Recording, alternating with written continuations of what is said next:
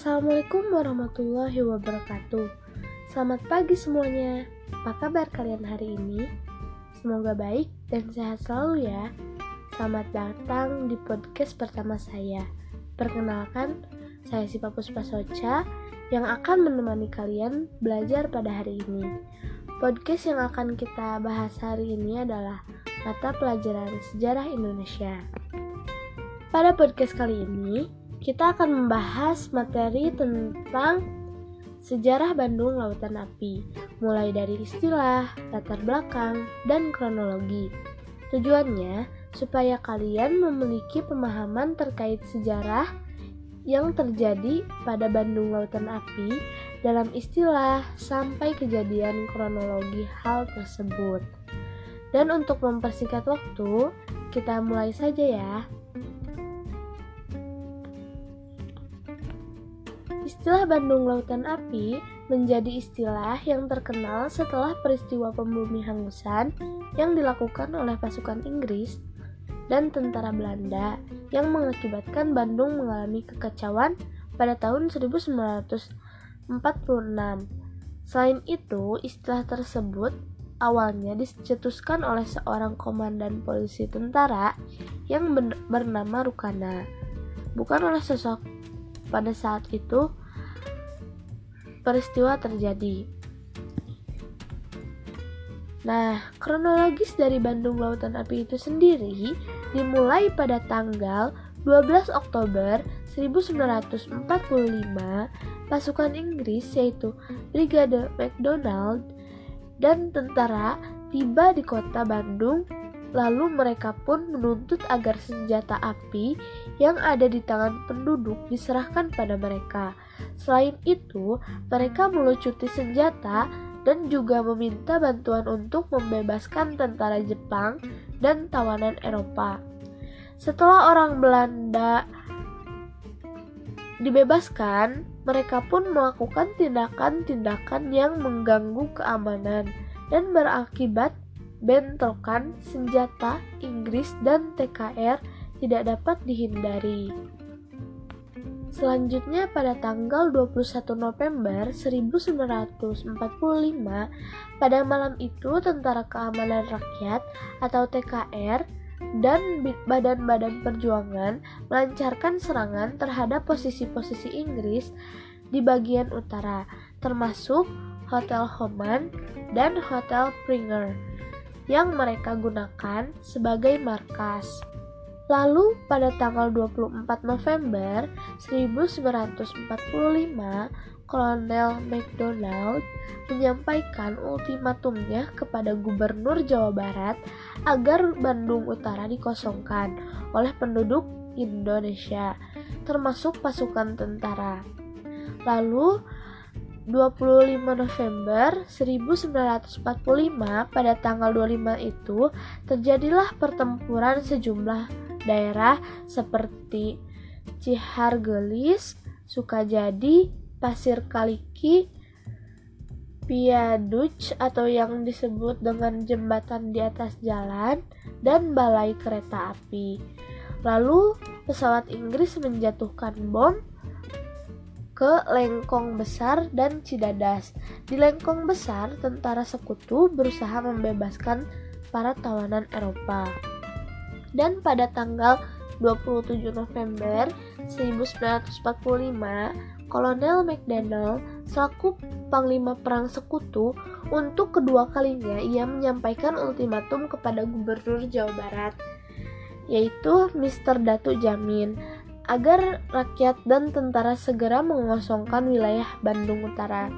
Peringatan itu berlaku sampai tanggal 29 November 1945 pukul 12 harus dipenuhi. Jika tidak, maka sekutu akan bertindak keras. Ultimatum kedua itu pun tak digubris sama sekali. Lalu beberapa pertempuran terjadi di Bandung Utara pos-pos sekutu di Bandung menjadi sasaran penyebaran. Lalu tanggal 11 Maret 1946, sekutu berencana memindahkan pangkalan militer dari Jakarta ke Bandung. Konvoi terpanjang dari pasukan koalisi terbesar dicegat dalam perjalanan. Pertempuran itu bergejolak selama lima hari. Pada tanggal 15 Maret 1946, pasukan sekutu datang ke Bandung setelah dianiaya. Menurut catatan, sekitar 115 tentara sekutu terluka parah dan 20 di antaranya tewas. Berdasarkan kerugian perang tersebut, Inggris mengultimatum melalui pesawat tempur untuk mengosongkan kota Bandung sebelum tengah malam pada tanggal 24 Maret 1946. Hal tersebut juga didasar, didasarkan rencana sekutu menjadikan Bandung sebagai pangkalan mi militer baru.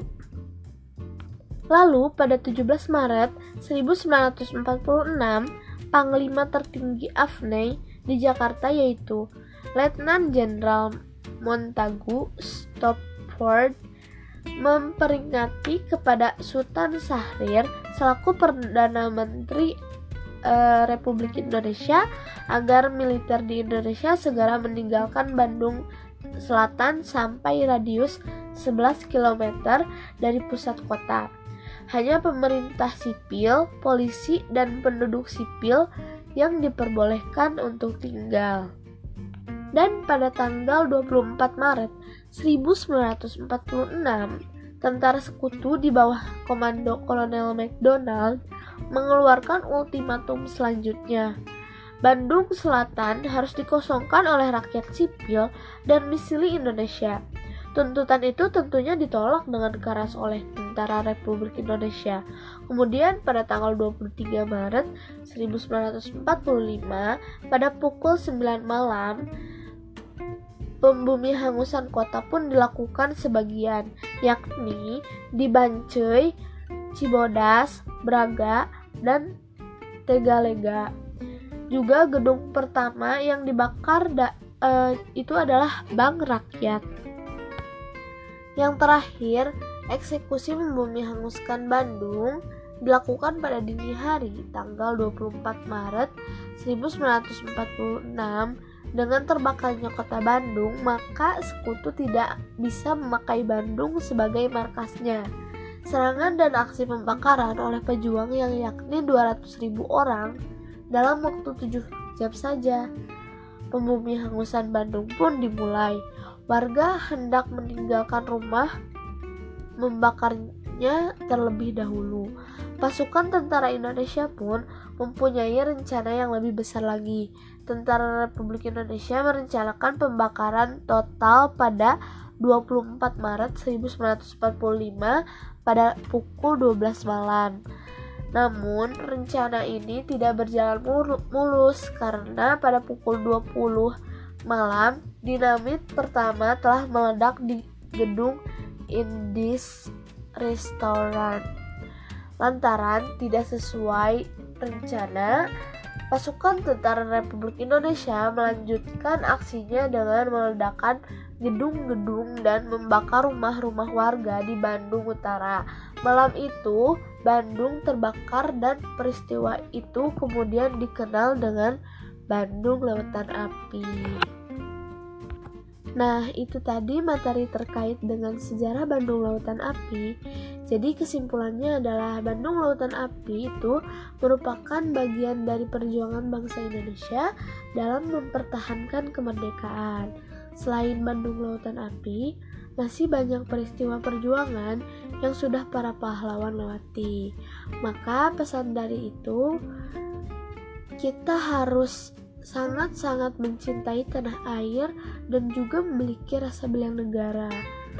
Dan jika kalian masih kurang memahami, kalian bisa mencari sejarah sejarahnya melewati artikel, jurnal maupun uh, website lainnya. Baik, Demikian sedikit materi yang sudah saya sampaikan pada kali ini. Semoga bermanfaat dalam memberikan pengetahuan tentang sejarah Bandung Lautan Api. Kurang lebihnya mohon dimaafkan dan terima kasih. Wassalamualaikum warahmatullahi wabarakatuh.